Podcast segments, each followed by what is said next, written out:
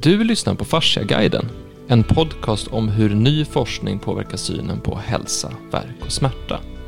Idag sitter jag, eh, Axel Bolin, här med eh, Camilla Ranje Nordin och Hans Bolin och vi ska fortsätta prata om hur vi belastar vår fascia och vad vi gör för att bygga upp den.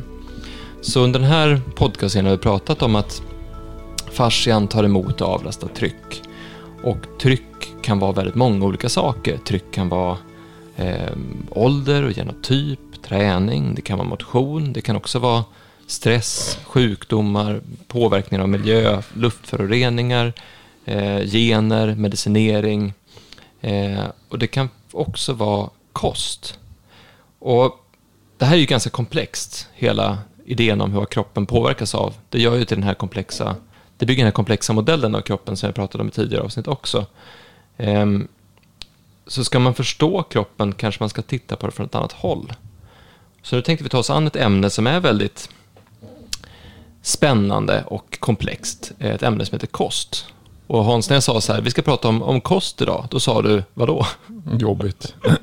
ja, det finns så många olika idéer om det. Sen är det, jag försökte titta på kost en gång för eh, jättemånga år sedan, 15 år sedan tror jag. Typ, ja det var det nog. Eh, var när Ivar spelade ishockey och så ska jag försöka då, tänkte jag, då höll jag på att läsa, hade jag börjat läsa osteopati. Eh, och sen så ska jag som var lagledare och lite grann sådär, hjälpa dem med vad, vad bra hälsa var för någonting. Och då köpte jag två böcker, eller tre böcker tror jag läste den veckan. Och först läste jag en bok och så läste jag en annan bok och så var det totalt irre i huvudet. För det var, de sa helt olika saker. Några sa att det var bra, några sa att det andra var bra. Så det enda jag kom fram till efter jag gjort det där, det var att det som var jätteviktigt, som jag tyckte, som jag hade föreläsning om, det var om vatten. Så hur viktigt vatten var för kroppen och hur viktigt det var att fylla på med vatten. Eh, eh, och vi behöver inte mycket förlust av vatten i kroppen för att vi ska bli rätt korkade. Mm. Och eh, prestationen går ner.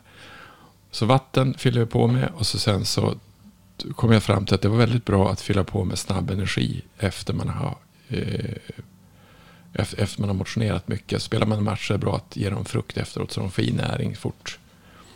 Det var ungefär det jag kom fram till utifrån det, det andra. Sen var det så mycket, det var ju så mycket om, om kolhydrater var bra, vilka vitaminer som var bra och det finns ju ganska mycket eh, olika syn på kost, alltså vad, vad, vad, kost är för någonting. Men jag tror att det som är intressant som, jag tror att du som husdjursagronom har du ett annat perspektiv att se på kost, för där, där tittar ni på näring på ett annat sätt. Eller hur? Om man tittar på djur så är det väldigt viktigt med ja. vad de mm. äter för någonting. Man, man tänker väldigt mycket på att, att, att djuret ska ha i sig rätt näring och tillräcklig mängd av alla näringsämnen. Alltså man pratar, då pratar man ju mest då, eh, protein och energi. Eh, och eh, sen då olika eh, mineraler och vitaminer. Och sen då vatten. Och det, där är det också så att, att, att den ska drickas i och så många liter vatten. Liksom, och det är per kilo kroppsvikt. Mm. Och, liksom, så att man, och det är samma sak med alla djur. Alltså att man håller koll på att de dricker och man håller koll på att de får i sig rätt näringsämnen. Mm. Men eh, som jag kanske har sagt förut någon gång. Vad, vad, och som jag börjar tänka på nu senaste tiden då på människa också. Att, att när jag pluggade på Ultuna så sa man ju hela tiden att ni ska, inte tänk, ni ska tänka på att ni utfodrar mikroorganismerna hos kossan eller hästen. Ni ska inte, det är liksom, mår mikroorganismerna bra, då mår kossan bra. Eller då mår hästen bra. Och det är, liksom, det är mikroorganismerna som är de viktiga. Mm.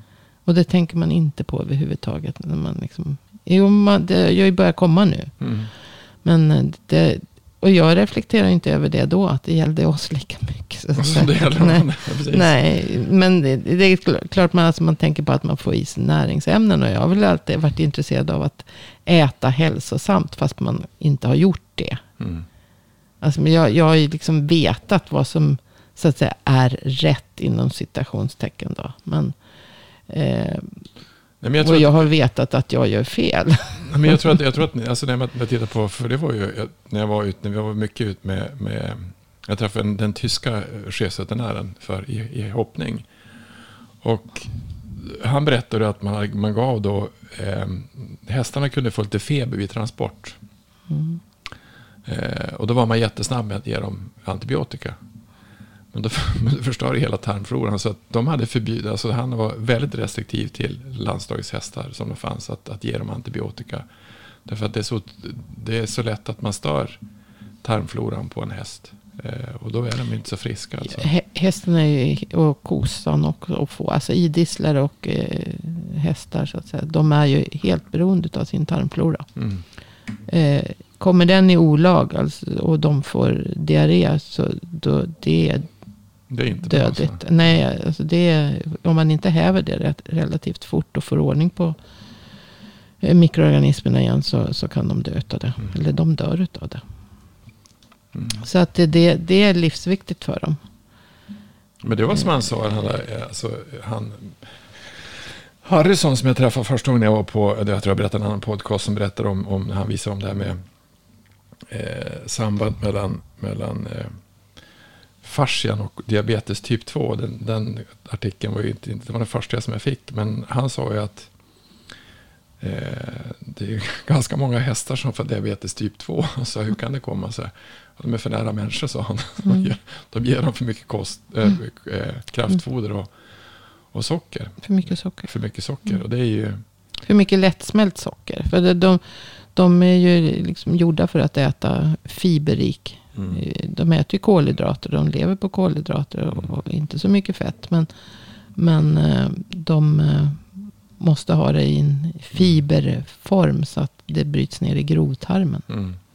Men innan vi går in på hur vi äter idag, alltså generellt som samhälle och så vidare, så tänkte jag bara ta ett steg tillbaka och prata om alltså vad, vad är kost egentligen? För vi vi pratat om att du, du blir vad du gör. Alltså de aktiviteter du gör påverkar, hur- eller inte gör, påverkar hur din fascia är utformad så att du får en kropp baserad på vad du gör.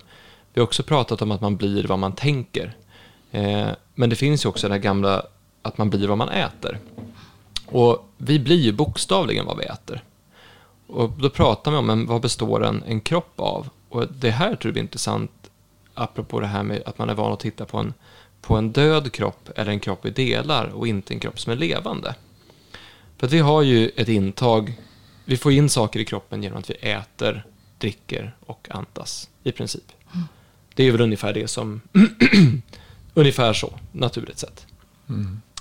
Ehm, och de har fokuserat väldigt mycket på, på proteiner, på fett, på kolhydrater och fibrer, på att maten ska innehålla det. Mm. Och så har man pratat om att, att maten ska innehålla vitaminer och mineraler, för det är ju sådana saker som är byggstenar. Mm. Men Och så- man har inte pratat om att man ska äta bakterier på det sättet, att vi får i oss bakt- att bakterierna är viktiga. Alltså om man- tar en tallriksmodell, som man pratar, alltså det har man ju lärt sig från skolan, att tallriksmodellen ska ha en viss typ av vitaminer, viss typ av sallad, viss typ av bla bla bla. Egentligen ska det vara bakterier på den tallriksmodellen också. Så var, var har vi bakterierna här? Ja, e- eller så. Det är väl egentligen så att, att eh, du ska utfodra de bakterier som du har i tarmen. Som, som så att säga ska må bra. Och då måste de ha en viss, alltså beroende på vad du äter så utvecklas olika stammar av bakterier i tarmen. Ja, men För precis, och de, för de, le, har, de, le, de har olika preferenser vad de vill ha för Ja. typ av mat. Så. För när du tittar på vad, vad, vad kroppen består av, så Mm. vi, vi, jag, min kropp just nu, består ju av allting jag har ätit de senaste ett, två till sju åren. Liksom, så. Mm. Det är ju det som är kvar i min kropp. Det, det jag faktiskt har ätit har brutits ner Det är och dina blivit byggstenar som i det min kropp. Mm.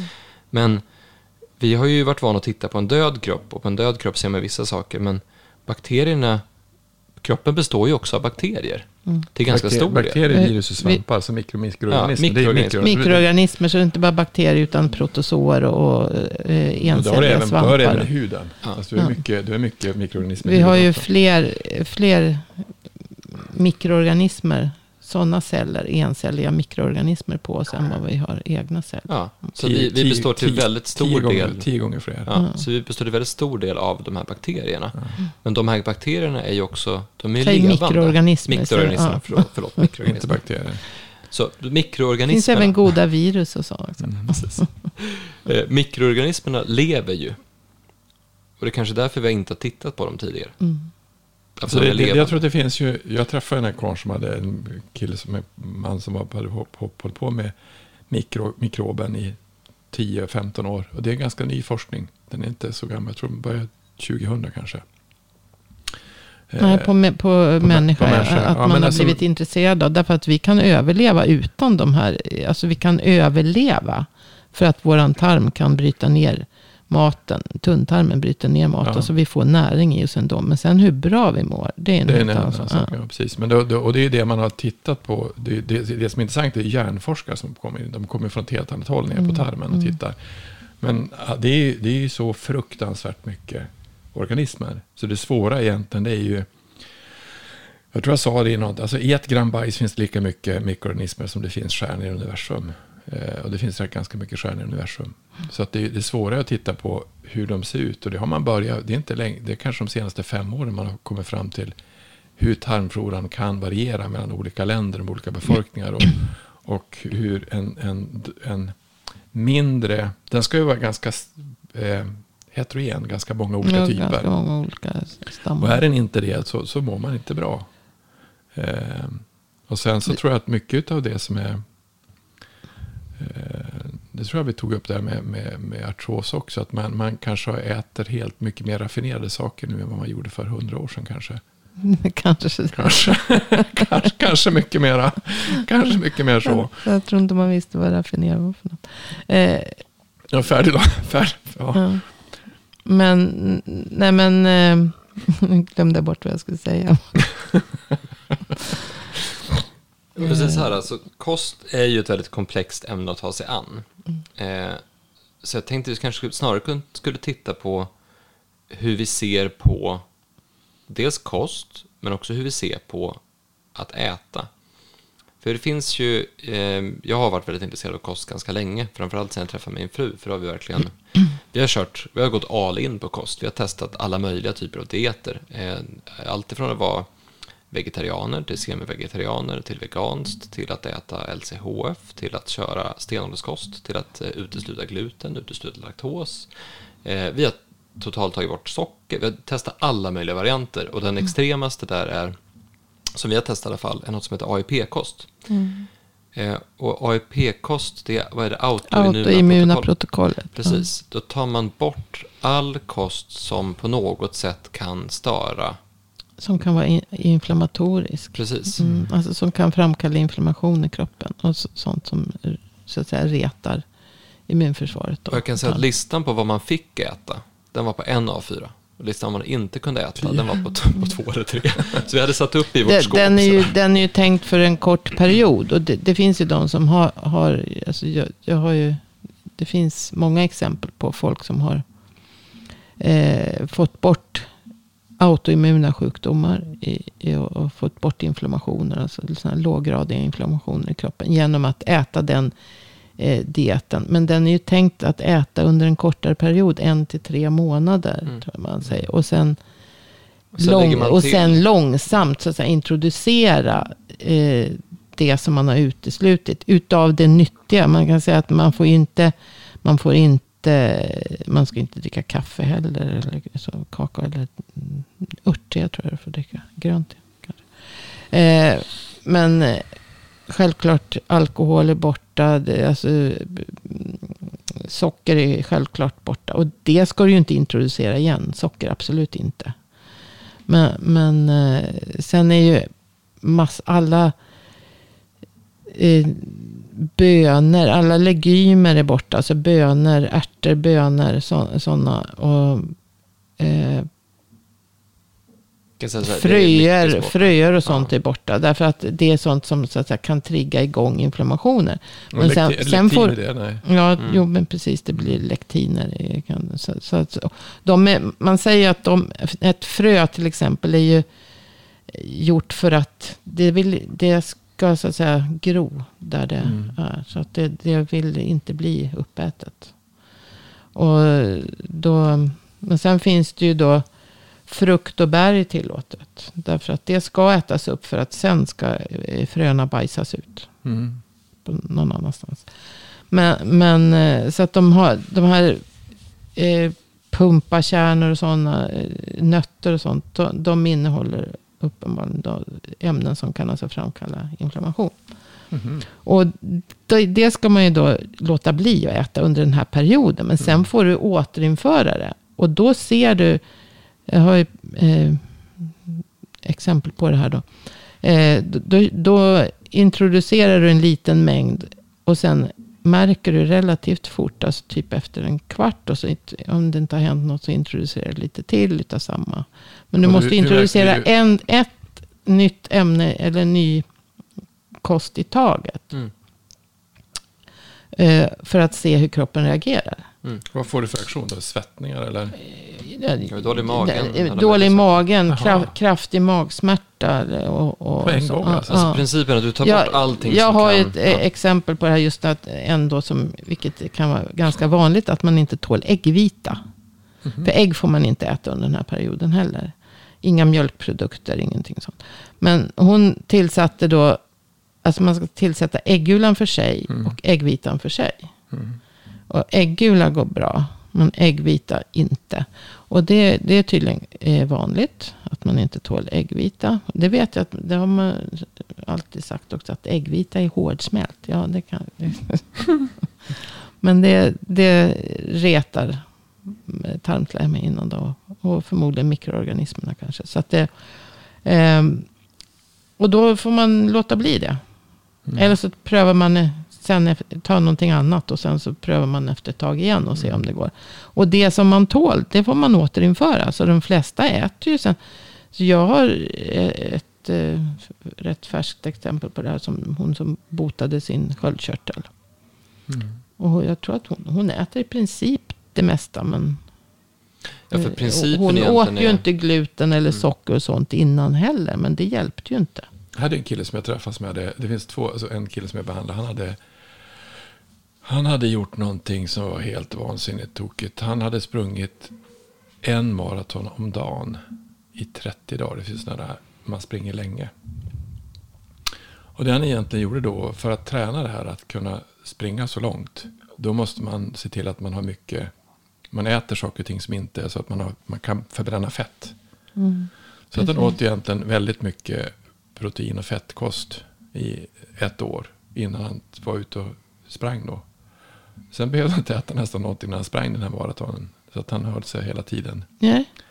Så det, det är ett annat sätt att se på hur man använder, vad kost spelar roll om vad man ska göra för något. Sen tror inte jag det är speciellt bra att springa så långt som han gjorde, men, men han gjorde det i alla fall. Eh, och sen var det en annan kille som jag träffade som var proffsgolfare. Och var, eh, han var diabetiker. Och då så, han hade aldrig funderat på, han hade spelat bra på Europatouren. Han hade pratade om egentligen kost och hur man, hur man ska hålla blodsockernivån på samma nivå. Alltså det, det som blir när man spelar golf, det tror man inte är jobbigt. Men eftersom du tänker så mycket och hjärnan för, förbrukar enormt mycket energi. Så kan det vara totalt korkat på bra. Alltså du funderar inte på någonting. Ja, där är bollen och så slår man till den. Och där är bollen slår tom. Men det oftast är det att man, oj, där är vatten och man ska göra så och så och så. Så förbrukar man väldigt mycket energi när man spelar golf. Och han hade alltid svårt att eh, hålla en jämn nivå. Alltså han tappade alltid energi. När han tappar energi, då går ju skåren ner, för då går koncentrationen ner. Så det provade att äta mycket fett, så det har han aldrig gjort. Utan, och ändå var han diabetiker, så det är ju intressant att se vad, vad gör man, hur påverkas man utav, hur känslig är man för till exempel snabba kolhydrater eller alltså om man ska prestera. Men du måste ju vänja dig vid att äta. Alltså det blir ju keto. Ja, ja. Ja. Eh, strikt låg kolhydrat. Eh, och du måste ju vänja kroppen, Kroppen vid det, ja, det- det. det Men, men när, det, det finns ju forskning på det här. Att det, det hjälper mot diabetes och, och högt blodtryck och, och sådana saker. Så att det, det Men vad, är, vad är det som händer då? I, alltså om, det, om det gör, vad händer då i fascian? Om du säger att om det blir, om det blir för, då, då ska ju alltså, om du säger då hög, alltså högoktanigt bränsle, alltså mera kolhydrater, snabba kolhydrater. Blir det en informationsprocess då i kroppen? Så kolhydrater, det, det bygger ju... Jag kan inte det här i detalj, men det är nästan... Min son är mer haj på det här. Hur kan det komma sig då? Jag vet inte, han har blivit inspirerad kanske. Jag vet. Han inspirerar mig. Eh, men ehm, För han har ju, har ju börjat äta sedan långt tillbaka mer eh, strikt keto. Och keto Och- står för det. Ja, alltså väldigt strikt låg kolhydrat då. Och mycket proteiner och fett. Och han är ju träningsnörd. Alltså han har PT två dagar i veckan och tränar de andra dagarna själv. Och, eh, och hela tiden så här fix att han ska slå rekord. Och han, han tränade nu, eh, meddelade för ett tag sedan att han hade varit lite fundersam hur det skulle fungera. För att han kändes lite mör. Och sen just att han hade ätit keto nu Mm. under en längre tid. Men, men han, han är ju så eh, nördig så han har ju en ketonmätare också. Håller på, Var har man den då i? han tar väl blodstick och, och kollar eh, om man är i ketos hela tiden. Okej. Men, eh, och han slog rekord. På, alltså, presterade bättre än han hade gjort förut. Då när de hade haft någon test med PT. Mm. Och hade gått jättebra trots att han inte åt några kolhydrater. Mm. Fast det trodde han inte. Mm. Och, men jag är ju inte så strikt. Men, men jag också börjar med, vad jag märker alltså, det, det sänker blodtrycket. Mm. Det gör ju C-vitaminet också. Så, men, men det sänker blodtrycket och det, man blir stabil på något vis. Alltså det, det, du får ju en, en, en stabil insulinnivå. Mm. Så du får ju inte de här topparna som du får när du äter en massa socker. Och du får inget sug. Nej. Alltså du tappar suget efter. efter Men det tar 14 dagar. Jag kan inte säga hur lång tid det tog. För det, det började i mars. Så att det är mars, april, maj, juni. Du, har fort, och du har inget sug nu? Nej, vadå? Nej, jag, inte- jag, inte jag, jag, jag kan säga bara, jag var ju en mackälskare och Men alltså, inte, socker har jag försökt undvika förut också, fast det är, inte, svårt. är inte hästmänniskor väldigt bra på, Eh, på mack- snabba, Ja, snabba men kolhydrater? mackor, snabba kolhydrater. Och det blir också när man är ute och jobbar. Man slänger med sina mackor. Och så bananer eller frukt. Och det, alltså nu äter jag äter ju knappt frukt så. Men eh, alltså kanske en. Men alltså inte frossar i det som man förut kunde man äta tre bananer och en massa mackor. Så alla stall jag varit med, alltså det, står ju, det står ju bara mums, mums och godis. Ja, det är en massa grejer som står där. Fast godis har ju faktiskt med. varit restriktiv förut också. Men, men eh, bara periodvis. Men, alltså någon... Men, men man kan säga att, att man eh, samlar på sig mindre vätska i kroppen. Man, man, eh, för kolhydrater drar, binder Vätska. Mm. Sen ska man ju äta, alltså man ska äta eh, grönfoder. Ja, Alltså grön, det, så ja. det, men Vi- du ska inte ju- äta socker. Vi gjorde det, så jag hade nu en, en, en kund som jag hade som hade artros. Eh, eh, och han, hade då, han var ju inflammatorisk. Alltså det, han lite, eh, lite, så att jag satt han på en sån här diet. Att han var tvungen att ta bort alla kolhydrater, all, all laktos, eh, all öl. Han tyckte om öl, men det är också Mm. kolhydrater. Eh, och sen så eh, ska han äta gröngröt varje morgon. Och gröngröt äter vi varje morgon. Det är, gör du det också? Nej. Nej, det gör jag inte. Jag äter ju ingenting på morgonen. Sluta med det. Är det bra det? Periodisk det. Alltså, alltså, Vi kommer till det också, vi, kör, vi, periodisk vi, kör, fasta. vi kör gröngröt. Det är grönkål, eh, det är selleri, avokado, ingefära, spenat eh, och citron. Mm. Och så sen så mixar man det så det blir som en gröt. Alltså man, är ju fruktansvärt mycket i en skål. Så mixar man det så det är som en gröt. Så äter vi det. Och så ingefära, gör att det, ingefära och citron gör att det blir någon studs på det. Annars är smakar det ju, annars känner man sig som en fördärvade i, Ja, men i distar. det, det är gott och det är nyttigt. Men han tyckte, det var, han tyckte det var rätt äckligt faktiskt. Han sa, men han har bara dricka det istället. Han spädde ut det så gjorde han som en, som en smoothie istället. Mm. Och efter, jag tror att efter tre veckor så har han gått ner åtta kilo. Han sa, vad har du gjort för något? Ja, men den här fördärvade maten du skickade på mig, det bara rann ju iväg både för han och hans fru. Vi är sponsrade av Fasciaklinikerna. Vi har ju spelat in ett gäng avsnitt nu om näring, om C-vitamin och magnesium och andra saker man behöver för att hålla kroppen i form och för att ta hand om sin fascia. Och då får vi oftast frågan, ja men var köper ni era tillskott eller var kan man köpa sina tillskott? Och vi köper alla våra tillskott på Fasciaklinikernas webbshop. Så fasciaklinikerna.se kosttillskott eller om man klickar på kosttillskott inne på fasciaklinikernas hemsida då kommer man till en webbshop och där hittar ni eh, ett stort sortiment av ja, olika vitaminer och mineraler som är framtagna tillsammans med Camilla för att eh, stärka upp kroppen. Och bland annat finns en ny serie av liposomala tillskott som har väldigt högt näringsintag. Eh, att man, man får väldigt bra effekt på dem kosttillskott man tar helt enkelt. Eh, själv så har jag en baslåda hemma. Då är det en, en dosering per dag som är av C-vitamin, omega-3, eh, magnesium, D-vitamin och MSM och så står det ungefär hur mycket man tar. Och utöver det har jag extra C-vitamin för att kunna ta hand om hur jag då men om, jag, om det är stressigt eller om det är mycket som händer eller om jag känner att jag är sjuk och så vidare så har jag alltid en extra burk C-vitamin. Just nu så stärker jag även upp med B-vitamin och probiotika som jag också tar varje dag. Och sen så håller jag på att testa de här liposomala tillskotten vi har tagit fram. Och då har jag liposomal magnesium, eh, kurkumin och C-vitamin hemma. Eh, men där kan man då göra en beställning, antingen av en baslåda och så ser man vad, vad som händer därifrån om man gör det enkelt för sig, eller så kan man börja testa de här olika preparaten och se vad händer om jag tar de här. Eh, mycket mer information om det här finns på Fasciaklinikernas webbshop, så gå in och ta en titt och se vad just du Eh, är syn på att beställa. Frakten går snabbt, kommer hem i en snygg liten fascialåda med lite mer information och eh, ja, ta en titt på webbshoppen helt enkelt. Stort tack till Fasciaklinikerna. Kosten betyder otroligt mycket. Vi pratade, jag hade workshop förra veckan också, så pratade vi mycket om, det gällde ju hästar, men där var, var det, det, vi pratade ju människomat.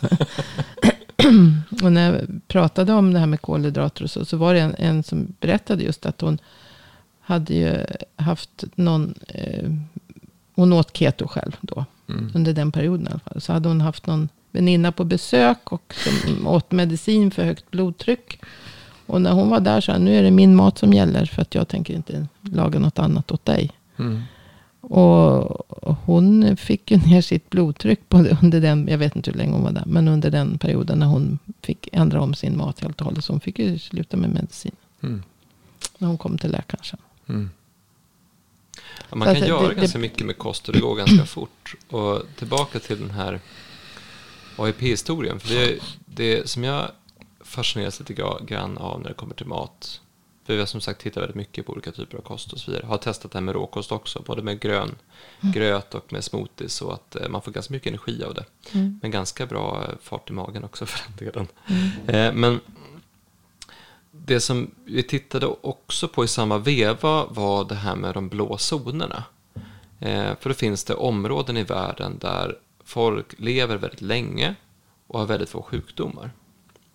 Och då tittar man mycket på vad äter de där då? Då är det något mm. ställe i Japan, det är något ställe i Grekland, det är ett ställe på Sardinien i Italien eh, och det är ett ställe i Indien och så sen så ser man vad, vad, vad äter de här, vad är det som gör att sådär.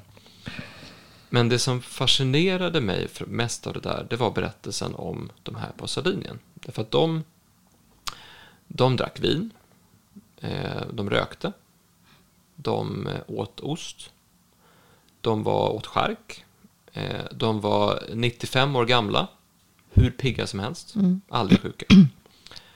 Och då var det så här, vänta, är det verkligen, är det verkligen kosten här som det är frågan om? Vad, vad, är det som, vad är det som händer här egentligen? Hur kan de vara så pigga? Men då läste man en berättelse om deras liv. Och då, var de, då gick de i bergen varje dag mm. eh, och tog hand om sina getter. Eh, de hade otroligt trevligt, en trevlig gemenskap, så att de åt alltid tillsammans och de mm. skrattade alltid när de åt. Och då var lunchen en, en, snarare en lätt, eh, då satt de och drack ett glas vin och, och rökte, någon, eh, någon, rökte lite grann och åt lite ost och lite, mm. så här, mm. lite lätt plock och lite bröd och allt möjligt. Och sen på kvällen så var det en större middag och sådär. Så att det var en väldigt stark gemenskap kring det också.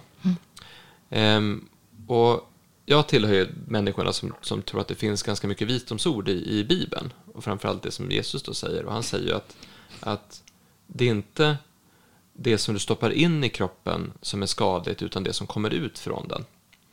Och då kan vi tolka det kostmässigt som att egentligen är det inte det du äter, utan dina idéer om vad du äter och dina tankar och känslor som har, som har en väldigt stor vikt.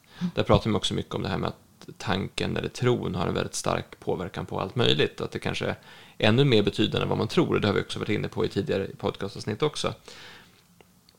Så jag funderar lite grann på varför, alltså hur ser vi på mat? Hur ser vi på ätande idag? En sån sak är, varför är vi så, vi är fruktansvärt ointresserade av odling idag som kultur. Vi är otroligt ointresserade av smak. Eh, det här brukar min, min fru, hon är ju från eh, norra Irak och är assyr. Och eh, där har man väldigt stark mattradition. Eh, och hon säger att ska du köpa frukt och grönt i Sverige, då måste du gå till torgen i eh, invandrartäta förorter. För där är det kvalitet. Går du på ICA, då är det inte bra kvalitet på, på frukten. Det är okej kvalitet. Kanske om du köper ekologiskt så är det ganska bra kvalitet. Men, men maten smakar inget. Och då menar hon så här att, ja, svenskarna kan ju inte skilja en bra paprika från en dålig paprika. Alltså hur ska maten smaka? Och så pratar vi alltid om när vi var på Italien på våran, vi hade en resa till Italien 2017 och en 2018 och vi åkte runt och var på massa ställen. Och minns du citronerna på Maltikusten och, och minns du frukten som man bara kunde äta? Och det är ju skillnad på råvara och råvara. Men varför är vi så ointresserade av det? Varför tänker vi inte på hur maten ska smaka? Har, vi, har vi gått ifrån det här med, med varför vi äter? Jag tror att om ni tittar på den som var, det fanns ju en, en, eh, en serie som hette, jag tror den går på TV4, Blattarna som byggde Sverige. Och så pratar man om hur, hur svensk mattradition är. Vi tycker att svenska köket är så häftigt så, men de sa ju det att på, så sallad åt man inte i Sverige på det sättet på 60-talet. Man hade ingen dressing utan man hade bara grön sallad så. Det var någonting man ska i sig. Så att jag tror att vi har, vi, våran matkultur har byggt mycket på att vi har jobbat. Man åt ganska kraftigt. Eh, alltså kraftig mat. Man ska ä- alltså jobba mycket. Och i, i de här, eh, och sen är ju, om jag tar det jag kommer från Norrland så är det ju, det, det växer ju som 17 fast det gör ju det från midsommar fram till, alltså man såg ju i juni och så sen så är det växer det så bara, det gör ju ont när det växer där. Och så kommer det ut. Och så sen så var ju den, min, min morfar var ju småbonde och det var ju viktigt att man skulle odla så att man fick. Och man tog ju vad det som var, men det var inte, det var inte det går med mat man åt direkt. Det var ju potatis och fisk i princip varje dag. Och så hade man då lite kött ibland. Det var så här, 98 procent av Sveriges befolkning åt ju gröt till frukost, lunch och middag under hela 1800-talet. Så, och då, och då så, och så att jag tror att matkulturen är olika. Jag var till, alltså i, när jag var och spelade golf i, i, i Irland. Vet det där att man potatis till allting. Jag tog en lasagne och fick potatis till, alltså pommes frites i den också. Det är potatis till allt du bara beställer. Lasagne och pommes frites, alltså det är helt sjukt. Men där åt de ju bara potatis. Alltså höger vänster, fram och tillbaka, så och så och så. Och det har man gjort, det var ju jättefattigt i Irland, ända till 60-70-talet. Så att jag tror att mycket av kosten beror på hur man har sett på kosten. Jag tror att i de där i Medelhavet och runt omkring där, där har man ju, det är olika kök där också, men man har ju fantastiskt bra råvaror. Där framförallt ligger fokus på mat. För om du tänker Ja, den, ja, här, ja. den här traditionella italienska idén om att ja, men, då, då är det morgon, då går man ner på, på byn och så, sen så går man till kötthandlaren och så kollar man vad har du idag? Så där. Sen går Mm. man till, till grönsakshandlaren, och vad, vad är fräscht idag? Och så går man runt, man går runt till liksom varje litet stånd och sen ställer man sig och lagar mat i flera timmar. Så att, hur mycket av dagen kretsar kring vad man ska äta? Det är egentligen egentligen. allt. Det, det är Det är nästan allt. det mesta. Det Och men egentligen ur ett liksom perspektiv, alltså man kan ju också säga att ja, men, vad, är det vi, vad håller vi på med som människor på den här planeten? Alltså det är väl någonstans att, att äta som är grejen. Grejen, Alltså typ lite sådär. Det har bli- blivit lite så. Det, det, jag läste just, det kommer bara en färsk eh, forskningsrapport just om hjärnan och, och tarmens relation. Och eh,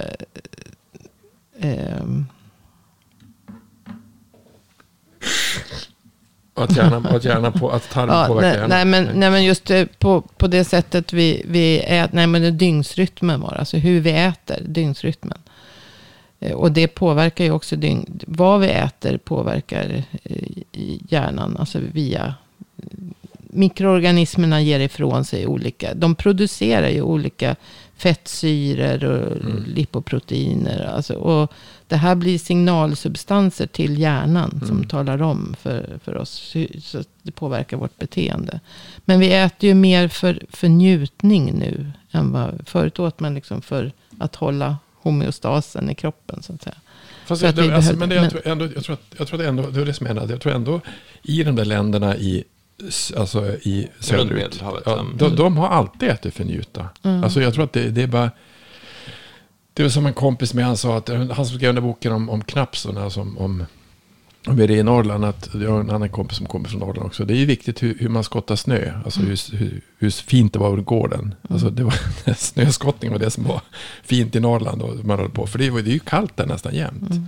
Och då kanske inte har varit mycket, det var det ju jordkällare och få salta grejerna så, så det höll. För det var, och, och ta det som fanns. Så det är ju, Det, där blir mat en fråga om överlevnad. i princip Ja, är det inte väl så. njutning. Inte njutning. Och det, det är väl nästan aldrig, jag tror att det, det, om man tar historier från 1600-1700-talet så de åt ju, alltså i Sverige åt de ju konstigt. Alltså de åt många rätter och spydde emellanåt och sådär. Ja, de, adeln ja. Ja, det var ju, det, det hade- gjorde man inte i Europa på samma sätt. För det man, så att det var ju, man som importerat saker och ting i Sverige.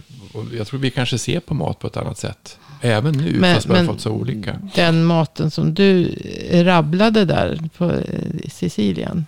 Mm. Det, det är ju egentligen, allt det där är ju, fungerar ju på en, en eh, LCHF, låg eh, kolhydrat, ket, ketokost. Till och med torrt vitt vin. Det är så? Torrt, torrt vitt vin och rött vin kan fungera. Alltså inte i, inte i jättemängder, men något glas Mm. fungerar. Mm. Eh, och sen, sen kan Men det man kanske påverkas mycket av Och chark, chark är också bara protein och fett. Och, Mm. och olivolja äter de ju massor. Och det är nyttigt, väldigt nyttiga fettsyror. Så att, det- eh, och ost fungerar också. Så att om man inte nu är, inte tål mjölkproteiner eller så. Men, så Men vad har det- du testat för något? Du, har, du träffat, har du testat keto? Eller vad kör du för någonting som du... det- Ja, typ. Alltså, allt ty, typ alltså, kan, inte jättestrikt. Men jag, alltså, jag kan ju säga att jag har ju levt väldigt, väldigt gott sen i mars. Tycker jag. Utan, utan att ha det minsta sug efter en macka. Jag, jag inte ens reflekterat. Och jag älskade hårdbröd förut. Alltså, Jag levde ju på hårdbröd och mackor och potatis. Och jag kanske har ätit fyra potatisar sen i mars. Mhm. Alltså, Men du har, Ja, gått, ja, du, har, mycket, jag du har gått ner ganska mycket vikt. ja, det har jag. Hur mycket då? Typ 10-11 kilo. På, bara, sen, på, sen mars. bara på att äta annorlunda. Bara på att äta annorlunda. Utan att må det minsta dåligt. Mm. Alltså jag känner mig... Och nu, det är inte bara det här med, med låg kolhydrat. Alltså jag äter väldigt mycket grönsaker. Väldigt, väldigt mycket. Istället för, jag äter kött. Så det blir svårare tror jag om man, om man är vegetarian. Men, men jag äter ju kött och, och eh, väldigt mycket grönsaker till. Istället för potatis. Mm. Men nu har det gått, för du har ju, hur, hur är din höft nu då? För du har ju lite höftledsartros. Eh, Den mår ju naturligtvis bättre eftersom den blir lättare. Det är så? Men om vi går sen ska jag ju bara... Ja, För det, det är en annan sak som, som vi... I det här med hur vi ser på kost. Och vi pratar om det här med att äta för sin överlevnad. Och att vi kommer från en sån kultur. Kan man väl ändå säga. Någonstans. Ehm, finns det en... Vad händer, alltså, är, det, rädslan för att inte äta eller rädslan för att vara hungrig för stark? precis. Det var det också. För att med det här, samtidigt som jag la om kosten. Jag tänkte att nu måste jag. göra- Alltså jag har ju levt i hela mitt liv med bantnings... Eh, Mhm. olika, liksom att ja, nu måste vi köra den bantningskuren. Och nu den, alltså ända sedan jag var tonåring. Mhm. Så här vet jag bara liksom att vi- man testar allt, allt. Och så gick man ner och så åt man, man levde på sådana här jädra bantningsdrycker. Och det var alla möjliga dieter jag testat. Eh, och jag har även testat låg kolhydrat för, förr i världen. Men, men eh, nej, jag vet inte, jag kanske inte visste lika mycket då. Men nu börjar jag samtidigt med det här med periodisk fasta. Så jag äter ju, jag äter ju aldrig före 11 på dagen. Och ibland blir de tre också på eftermiddagen. Är du jag- tvungen att vakna då? Ja, ja. Man vänjer sig. Men alltså man vänjer sig. Du, är du, ska, inte, du ska inte börja med att, att inte äta på 20 timmar eller någonting sånt. Utan du måste kanske trappa. Fast jag började ju med 16-18 timmars. Eh, f- Men- men det- Drick, dricker du vatten då istället på morgonen? Nej. ja, kaffe. Nej, Jag, drick, jag dricker kaffe. Eh, så att eh, om, man, om man inte, man får inte Du, får, du skulle i princip få äta något fett, men, men inga kolhydrater. Alltså inte ens ett halvt gram. Det minsta lilla kolhydrat stör eh, autofagin som det heter. Alltså man, kroppen börjar rensa ut Mhm. eh, skit ur cellerna. För och precis- bryta ner och slänga ut. Och, Mm. och du rensar ut, alltså man känner, jag tar en kopp kaffe på morgonen direkt. Och, och sen så eh, kommer magen igång och sen så liksom, sen, jag menar, alltså jag, man mår så bra. Mhm. Och det är, det- men det är det här som är grejen som jag tror många inte... Alltså man har lärt sig att inte tänka på det här sättet. Alltså varje gång du äter någonting så belastar händer du kroppen. ja, precis. Så kroppen får ta hand om din mat. Och, och det som är poängen med det är ju att det jag stoppar in ska ge mer än kostnaden att bryta ner det. Eh, så ser det till exempel inte ut om man äter, det kan de flesta känna till om man äter en stor fet pizza. För att stoppa in en pizza så ger den ju, det är jobbigare att bryta ner den än energin man får utav den. Det är därför man får- kan få här matkoma som många säkert känner till. Nu kanske inte alla får röra pizza, men det är väldigt vanligt i alla fall. Ehm, det som är grejen med AIP-kosten och hela den principen är att du vill, du vill se till att tarmen inte belastas. Så att, för vad händer om vi inte belastar kroppen? Ja, då får ju kroppen tid att läka. Så att du ska försöka belasta den så lite som möjligt för att den ska läka. Och samma princip ligger bakom periodisk fasta. Att du inte äter under en viss period för att istället låta kroppen För att läka under den rensa tiden. ut alla glykogenreserver. Mm. Alltså du, du rensar så att kroppen kommer in i en ketos. Alltså den börjar bryta ner fett. Mm. Och det, det är nyttigt för den att, så att säga, rensa ut systemet. Och sen så bryter du ner fett. Och sen så börjar du, så du äter kanske ja, max 8 timmar och fastar 16 timmar. Så jag, jag äter två gånger om dagen. Mm. Och, Och jag försöker låta bli att äta efter Sju, sex, F7. sju. Det var till saken här att det finns ju många extremfall. Vi hade en sån på... Eh, alla alla fasciaklinikernas terapeuter har en... Vi har en eh, frågestund, så vi ses på Zoom två gånger i veckan och så går vi igenom olika case och olika saker och sådär. Och det var ett extra svårt case, en kvinna som var 75 och haft problem med magen sedan 1975. Så hon har haft mängder av problem, hon är jättedisciplinerad och hon har gjort jättemycket bra grejer, hon har tagit mycket kosttillskott, gått på mycket behandlingar, gjort vaneförändringar, testat olika typer av kost och hon har gjort jätte, jättemycket grejer. Och så sa då eh, en av terapeuten som hade den här eh, kunden då, eh, vad, har ni något tips, vad ska vi göra? Och då var det ett tips som ingen hade tänkt på, som kom från eh, en eh, terapeut som var i Linköping. Fasta. Ät ingenting, drick bara vatten. Vatten och sen gör du det så länge som du klarar av det. Sen tar du eh, råris och så dricker du avkoket på råris. Och sen börjar du äta råris. Och, och råris kan du leva på i flera veckor, sa han. Alltså, eh, då är det, ska det vara bra, högkvalitativt råris. Då. Ehm, och just den här med att, men då har ju vi en idé att om vi inte dör, om vi inte äter så dör vi. Vi tror ju någonstans att om jag går hungrig, då är det kört. Och sen blir jag så trött, säger Ja. ja. om inte äter Men det jag, blir men då, då tuppar jag av. Men istället så är det ju så att om, om alltså, som vi levde för, när, om kroppen inte fick, om vi inte hade någonting att äta, då var vi tvungna ut och jaga. Mm. Och då kan vi inte lägga oss ner och säga, "Åh, jag, jag är så trött för att jag inte har, liksom, men utan det där är ju bara en, en övergångsfas kanske. Men jag märkte inte ens av den. Alltså att, eh, utan... Så egentligen kan man säga vi, vi fungerar ju som bäst när vi är när vi har gått till den punkten att vi är hungriga. Alltså för det var då men- vi skulle jaga. Precis, det var då vi, det är då, och då börjar kroppen koppla på adrenalin. Mm. För att du ska orka. Och, så, så att det, man upplever alltså efter ett tag att man, man blir mycket piggare. Utav att inte hela tiden, och just att inte äta sent på kvällen också. Man sover mycket bättre. Fått mycket bättre sömn. Eh, Men det är så alltså, jag, jag, man sover ju mycket, mycket bättre. Gör man. Mm. Men jag tror att det som, är, det som jag funderar på med, med kost, varför jag sa att jag tycker det var svårt från början. Vi sa ju på något, någon podcast, har vi sagt att vi kanske är tränade att inte förstå någonting. Eh, och jag tror det var så jag ringde till Per första gången för att eh, Johansson. Därför att när jag tittade på, det var jättelänge sedan, men jag kollade på, finns det ingenting i kristendomen som handlar om kroppen? Kristendomen är ju i alla fall en, den är ju rätt under, underfokuserad. Alltså Jesus säger man går och så blir de friska. Det är ju kroppsfokuserad egentligen, men finns det ingenting om kroppen? Mm, Det är, det är egentligen genom behandling, alltså att behandla människor som har ont, som han får sina, Ja, exakt. sina följare. Så det- liksom. så att han är så- ju... Den är ju kroppsrelaterad religion egentligen. Och då, för då hade jag en...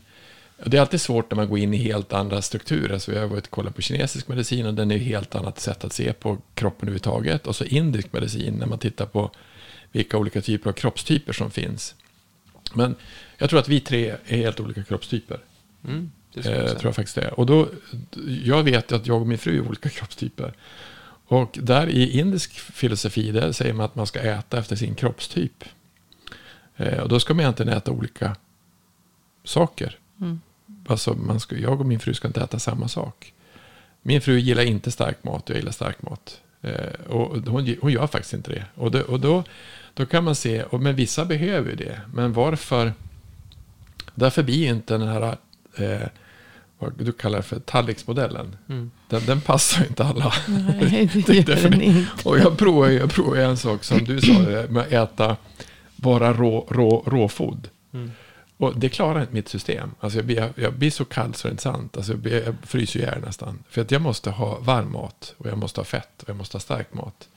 Så att det- man kan gå... Men det som är intressant är att varför... Hur, hur lär man sig att titta på, på kost? Vad, vad mår min kropp bra utav? Alltså om jag tittar på... Om jag stannar på, nu gör jag inte det så ofta, men ibland gjorde man man stannar en hamburgare på, på Max. Och så sitter man och harklar sig i två timmar efteråt.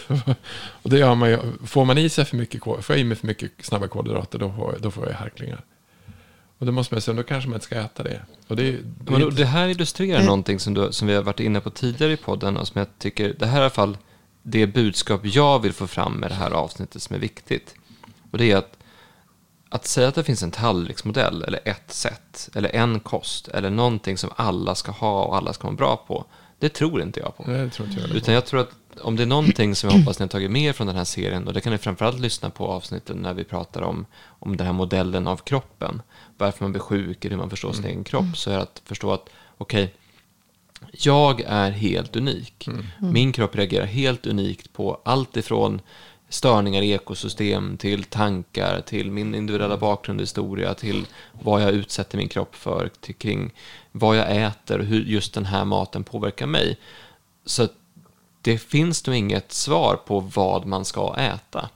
Sen kan vi säga att, att det kan vara saker som vi har sett att man kanske ska undvika. Man kanske ska undvika till exempel att äta extrema doser raffinerat socker för att det har en speciell påverkan på fascian till exempel. Eh, men, men det är, jag, jag tror att det här är mycket, mycket mer individuellt än vad man tror och då handlar det just om att lära känna sin egen kropp. Men sen blir väl utmaningen också, om du och din fru nu har olika eh, saker ni äter, hur ska ni få vardagen att gå ihop? För det är där vi är idag också, att någonstans ska vi hitta ett sätt att, att eh, ta hand om oss själva, men också klara av att leva våra liv. Men jag tror att det, det kan man nog hitta, men jag tror att det, det som var med, med fasta, jag har ju fastat två gånger. Och man tror att fasta är, jag kanske inte är optimal för fasta som är ganska lite underhudsfett och ganska smal, men det var bra för kroppen att få vila. Mm, jo, men precis. Och- och jag tar, ju- tarmen får vila. Ja, och jag var ju grymt, alltså jag var så trött, alltså först får man ju, man blir trött första två dagarna, och framförallt för man slutar dricka kaffe. Eh, så jag, då får man lite ont i huvudet. Men sen, alltså i dag två till sju, då vart man ju bara piggare, piggare, piggare, piggare, piggare. Och snabbare, snabbare, tänkte fortare, allting vart mycket, mycket lättare. Så att nästan alla, alla religioner och folk har ju haft fasta. Och det är säkert någon, någon mening med det också, att vila. Och man tror inte, men det som jag tror är intressant som jag tittar på det är att om det kommer någon, det som vi kanske inte tänker på när vi behandlar folk, för det gör ju vi, det är att därför har vi med det i den här frågeformuläret, hur går det på toaletten? Eh, och alltså gå på toaletten och titta på skit, det är inte alla som gör heller. Men jag var, alltså, skit är intressant hur man ser på det. I olika toalettstolar. Har ni varit, har ni varit i Österrike? Har ni varit i Österrike? Nej, Tyskland är också så. Alltså, där, där har man, vi har ju ett hål rakt ner, de har ju en bassäng. alltså, det är omöjligt att inte se vad man skiter ut Jaha, nej, men i Tyskland där har du ju en liten skål. Ja, Så, att- skiter så att har en skål och sen har du där framme för kiss. Så Ja, att bajs- du, du skiter i en grund bassäng, så den, den ligger där och simmar på. Nej, men i Tyskland ligger bajset Ja, ja, ja, ja, ja. Så man tror att den ska fastna på vägen ut, men det gör den inte. Så, så vi, vi, ska, vi skrattar så mycket åt det där, men där har man ju, så har man tittat på, för att titta på avföring är intressant att se på hur mår, hur mår tarmen, hur mår kroppen. precis. Och det gör man ju på djur. Ja, ja. Eller hur? Ja, ja. Du känner, och du känner ju på lukten. Du känner ju direkt när du kommer liksom, eh, in i ett stall om, om någon häst är dålig. Därför att du känner på lukten att, att det här, här luktar det surt. Surt. Ja. Och nu kanske några lyssnare tycker att det är jättetråkigt att vi pratar om bajs här, men jag kan säga att mina sista hämningar st- stannar ju när vi skaffar hund. Ja. För att varenda, varenda dag så går Ja, man och klämmer på bajspåsen och känner Ja. vilken Ja, ja. konsistens är det Ja, man säger, ja, men han är bra i magen. Och älskling, det är bra bajs idag. Nu är det, idag är det lite hårt, vi måste göra mer vatten. Jo, men det, på, på hundar, på, på djuren har man ju hela tiden full koll. Och likadant med små barn. Ja, det gör det också. Så, så ha full koll på, på hur bajset ser ut. Hans, det är inte bra med Axel nu, det är alldeles gult. Ja, men, och det, det, det är här jag menar att det är intressant att varför har vi, eh, varför har vi slutat fokusera på vårt eget bajs? Alltså för det egentligen borde, vi fokuserar på djurens bajs, vi fokuserar på småbarns bajs, varför fokuserar vi inte på vårt bajs? Ja, men det är det som är, alltså det vi pratade om förra gången ju fötter. Alltså, det är ju, jag hade, jag hade en kille som jag behandlade i, i, i förrgår, var, som hade, det, alltså hans fot var så konstig, så att han var lite förnärmad när jag började behandla hans fot. Men det satt ju, mycket av problemet satt ju i fötterna, så släppte man, men Ja, de är inte tvättade nu. Eller, så, eller om, man tar, man, om man är på en sån här hä- hästtävling och så sen så ska man ta av sig skorna så börjar man sitta, de är ju luriga, som har varit där stövlarna hela dagen. Men vi har ju en, en, en... Varför tycker vi inte om våra fötter? Och varför tycker vi inte om vårt bajs? Det är ju ganska konstigt egentligen. Eller man behöver inte tycka om bajs, men man kan ju tycka att det är intressant att titta på det. Eller, eller i alla fall att kolla vad det är för någonting. För vi hade ju en, varför vi tog det med bajs, det var att vi, jag tror jag berättade det med för men de som kommer som har ont i kroppen, som inte har en fungerande tarm, då är det problem, då, då är problemet, Då är- då är problemet inuti Ja, kroppen är- också, inte bara utanpå. Och då måste, därför kanske det är bra att, att de som har ont, och ni som kanske lyssnar på det här som har ont någonstans, det kanske är jättebra att köra en korttidsfasta. Så att man i alla fall hjälper kroppen att hitta en, ny homostas. Att vila. Ja, och där är någonstans att, alltså om vi tänker att du har en, en, en perfekt fungerande kropp. Eller om vi säger, kroppen är alltid perfekt fungerande, men om vi säger att vi har en kropp som, som inte eh, utsätts för några störningar som den behöver ta hand om. Alltså, tänk att du, du är en kropp i en jättebra miljö, med jättebra förutsättningar, allt är rakt, allt är bra i balans och så vidare. Då kommer den kroppen klara av att hantera den mesta kosten. Och det var ju, förr var det ju inte så att folk hade lika mycket, säg allergier, eller folk hade lika mycket problem med sådana saker. Alltså det, det, kanske, det kanske har kommit av att det är så mycket olika störningar just nu. Men det är, det ska ni veta att när man är på, på middagar eller när man träffar folk och så vidare, det är nästan alltid någon som är allergisk mot någonting nu. Vilket inte var förut. Det har nog mycket som sagt med tarmfloran att göra. Det här är, Och är man, någon av, är man en sån, alltså är man någon som är känslig för, alltså har man någonting i kroppen som inte fungerar som det ska, man är allergisk eller man alltid ont i huvudet eller man alltid något sånt där, då tror jag det är jättebra att titta på just hur, vad äter jag för någonting? Och fundera på hur eh, kan jag använda antingen mat som, som, eh, som läker, kan jag äta mat som gör att jag blir frisk, eller ska jag inte äta alls under en period och låta kroppen ta hand om det. Och det är viktigt också att man har andra byggstenar som jag pratade om tidigare i form av ja, men, rätt typ av kosttillskott eller näring eller någonting annat också för den delen. Men, men om, vi pratar, om vi bortser från det här med, med vad jag äter, är det viktigt hur man äter? Och med vilka man äter? Jag tror man har gjort, man, jag lät, det var gjort, man har gjort forsknings... Eh, jag vet en kvinna som jag kände, hon, hon höll på med anorektiker. Så gjorde ett koncept för det. Och det hon fick lära dem först det var att, att äta. Och då åt de, de hade ett, de gjorde det i Varberg, då hade de en, eh, hyrde hotellet där med vita dukar och allting. Sen fick de lära de här som hade anorexi att äta. Alltså äta normalt och så fick de väga dem efter och så vad vad hände för någonting. Men jag tror man har tittat på Eh, hur är effekten om du, gör, om du dukar fint? Eh, om, du, om du ser att det blir bra mat? Om du, alltså allting vi gör runt omkring kommer göra att måltiden är mycket, mycket godare. Om vi, om vi går på en restaurang och vi får en fin servitör. Alltså serv, serv, serv, den är trevlig, det är den som serverar. Bordet är fint dukat. Miljön är fin. Då smakar ju maten bättre och porslinet är fint. Och att maten är fint upplagd. Och att den är fint upplagd. Och, och eh, fina färger. Det spelar nog ganska stor roll tror jag. Man äter ju med ögat, finns det väl ett... Och då borde alltså den maten som, som ögat och allt annat tycker om då, den borde alltså ha, vara nyttigare för kroppen. Kan det vara så rent, rent eh, fysiologiskt att det är så? Tar vi upp den på ett annat sätt? Det, kan, det är ju inte helt omöjligt. Det är, Det är ju en spekulation såklart, Ja, men- ja, Jag tror inte det... Det- ja. ja. ja nej men. Nej, jag var inte på ett. Nej men man kan ju inte vara så säker på någonting som jag har sagt. ju mer man in, läser och, och så, så ju mer inser man att man inte kan och förstår någonting. Så man ska inte vara så säker på att man vet och kan. Så varför, varför skulle inte den mentala biten och synintrycken och det kunna spela in på hur du så att säga. Det är det är en form av stress och minskad stress. Ja, men just Och- det. och det blir ju stress. Parasy- parasympatiska nervsystemet och kortisolnivåer. Eller, alltså du får ju en behaglig känsla om du, om du har en behaglig miljö runt omkring och allting ser trevligt ut. Det är klart att du kommer ner i det parasympatiska nervsystemet på ett annat sätt. Och du inte stressäter bara för att du har bråttom iväg. Och det är liksom, Ja, precis, för om du stressar och äter, då håller kroppen på att hantera stress ja, samtidigt som då, ska inte hantera då, upptaget. det går inte. Då, och, då, då, och den stressen och kortisolpåslag och det, det påverkar ju även dina mikroorganismer. Tack Camilla, Vänta, det var jättebra. För det som, är, det som man tänker ofta så här, ja, men, spelar någon roll hur vi äter, med vilka vi äter? Då tänker man oftast det på något abstrakt, halvflummigt plan. Men det har att göra med alltså, hur, vilket tillstånd är min kropp i. Ja, är du min kropp ner i stressad just nu? Alltså det påverkar ju vagusnerven som du aktiverar då. Alltså när typ, du djupandas, du, du, du får liksom ett lugn i kroppen. Vagusnerven aktiveras, det parasympatiska nervsystemet aktiveras. Det påverkar ju, vagusnerven påverkar ju hela din matsmältning. Mm. Så, så att det, det är ju inte ett dugg konstigt. Det är nog väldigt bra att andas, djupandas innan man äter. Absolut. Mm. Eh, och innan man somnar.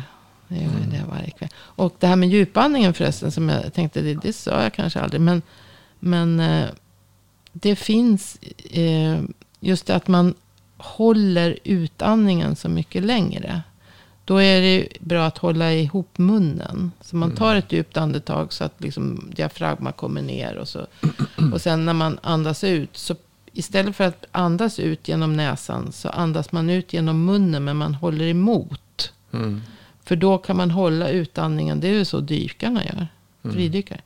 Eh, då kan man hålla emot utandningen så mycket längre. Så du får en väldigt lång utandning. Och utandningen är ju den som verkligen aktiverar det parasympatiska nervsystemet. Finns? Sen man- finns det en annan också. Att du kan vibrera i bihålorna. Jaha. För att då börjar det frisättas eh, kväveoxid. Kanske man köra med maskinen då i bihålorna? Det kanske. Ja, men alltså, det, massagen frisätter ju kväveoxid också. Kväveoxid slappnar av blodkärlen. Mhm. Så att då får du liksom... Det finns en sak som jag gjorde förut när jag skulle försöka somna, förutom att spela golf. Det var ju, gjorde jag, brukar jag göra förutom att man går och spelar en golfbana så är det om man kan klara sig utan att man gör bort sig. Mm. Det måste vara ganska, det är ganska dumt. Men, men, men det, det var att jag, jag, man, man, kan, man kan djupandas, så andas man in genom ena eh, näsborren och så andas ut genom den andra. Alltså jag kan säga så här. Fast det är Eh, inte svårt att andas ut långsamt om du andas ut genom näsan. Ja, men, Jo, man, man, alltså- man behöver inte göra det så komplext. Ända sedan avsnitt, avsnitt vi spelade om andning så har jag lagt mig ner på rygg, händer efter sidan. Och så sen så har jag tagit, andas in i ungefär 6 sekunder med näsan, andas ut i ungefär 6 sekunder i näsan. Och så räknar jag andetagen. Jag har aldrig kommit över 15. Nej, det är bra. Alltså det, tidigare när jag har gjort sådana här övningar så har jag 15 andats... var då på? Fem, jag kan alltid komma Fem. 15 andetag, sen har jag På, på en minut. Mhm. Nej, men för att tidigare har jag ju andats in alltså,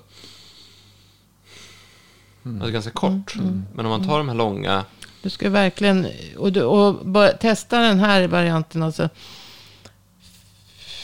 att du håller ihop munnen och pressar ut genom munnen. Så kan du hålla den där utandningen jättelänge. Ja. Och ju mer du tömmer vid utandningen, ju mer kan du få in sen. För då får du ut en massa extra mycket skitluft ur lungorna så att säga. Som ligger kvar. Och, ja, som bara ligger kvar. Och, För upp och ner. ja. Nej, och så, och, alltså fem- 15-20 sådana andetag, sen har man slocknat. och samma sak om du gör den här med vibrera då. Som jag sa, att du hummar liksom. Så då tar man liksom... Mm, Då kan du hålla, den kan du hålla väldigt, väldigt länge. Jag har försökt göra det där på kvällen. Mi- Mina hundar blir helt galna. Jag vet, inte, så här, helt, helt plötsligt är vi ett tibetanskt kloster. Ja, Liksom. precis. Jo, men det var ju, det var ju en indier tror jag som pratade om den. Ja. Ja, men jag tror, för att återgå Men till, just till, att, vi, att, det, att det producerar kväveoxider, det är bra. för att återgå till kosten här, eller det knyter ganska, kanske ihop det ganska bra. Vi, vi, vi har ju pratat nu om, om att det är viktigt att andas på ett bra sätt. Det är viktigt att, att röra sig och se till att man har eh, koll på sina fötter och hur fötterna har kontakt med jorden och så vidare. Och jag tror att när det kommer till kost så är väl någonstans bara det här med att man blir medveten om vad man äter och att det man äter faktiskt påverkar den. Det är väl steg ett kanske. Och hur man mår utav det. Ja. Mm. Och, Och sen sen man börjar känna efter just Ja. att, att hur, att vad, vad händer när jag äter det här, vad händer när jag äter Och så det där. sen inte bara så, sen, så vi, vi tog ju fram kosttillskott i fjol, men sen förstå att, att, att det som vi har lärt oss, det tror jag vi har lärt oss mycket från hästar, att man har gett dem ganska mycket tillskott ganska länge. Därför att vi har näringsfattiga jordar. Och det, Nej. och det, och det, det, det, är ju- det, det är ju bara så det är. Ja, det var ungefär som jag, jag tror jag tog in någon, någon, någon kille som, på, jag vet inte om jag kommer ihåg det, men på 80-talet så hade man ju skogsdögd i, i Europa. För att, och då var det och det var mycket för att man hade för mycket, eh, alltså för sur, för sura jordar. Ja. Och då var det en kille som jag träffade, som jag hörde ett föredrag på, han hade då psoriasis och något annat. Och då hade han en kompis och då karkade de i sjöarna. Tänkte han, ja, men om man karkar sjöarna, jag kanske också är för sur. Så han, han började karka sig själv. Så han åt mycket kark och mycket eh, vad heter det, Alltså, brännässla. han ska äta magnesium istället. För det, Ja, men, men då gjorde han Alltså han vart ju av med sina eksem. mm. Men om man tänker på det att, att hur mycket, hur mycket vi ord, alltså om, om, hästarna behöver magnesium och, och, och framförallt eh, nat, eh, naturligt svavel, eller svavel. Ja, svavel och mag- magnesium och kalk också Ja, naturligtvis. Men så är det klart att då kanske de, de behöver det som äter gräs. Och tar, då kanske vi också behöver det. Jag tror, att, jag tror också att det, det är någonting det börjar med, är att faktiskt börja, inte bara ta och nu hackar jag upp en tomat här, eller nu, nu hackar jag upp en paprika. Och det här blir ju extra bra nu för att när vi spelar in det här är det juni. Och snart kommer ju alla de här svenska, eh, alltså ta, ta en svensk färsk tomat liksom. Den smakar ju mycket godare än en holländsk fisktomat. Det kan väl alla köpa. Ja. Svensk färskpotatis, vad god den är, tänker man. Den här potatisen kan man äta hur mycket som helst av. Jaha, okej, men ta det ett steg till. Alltså när, när ni äter en paprika, tänk på okej, hur smakar den här paprikan jämfört med en annan paprika. Men jag tror många bara tänker, det här är en paprika.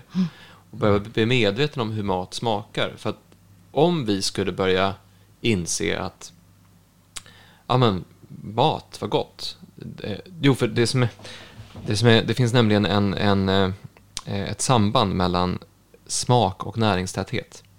Så att godare grönsaker innehåller mer näring.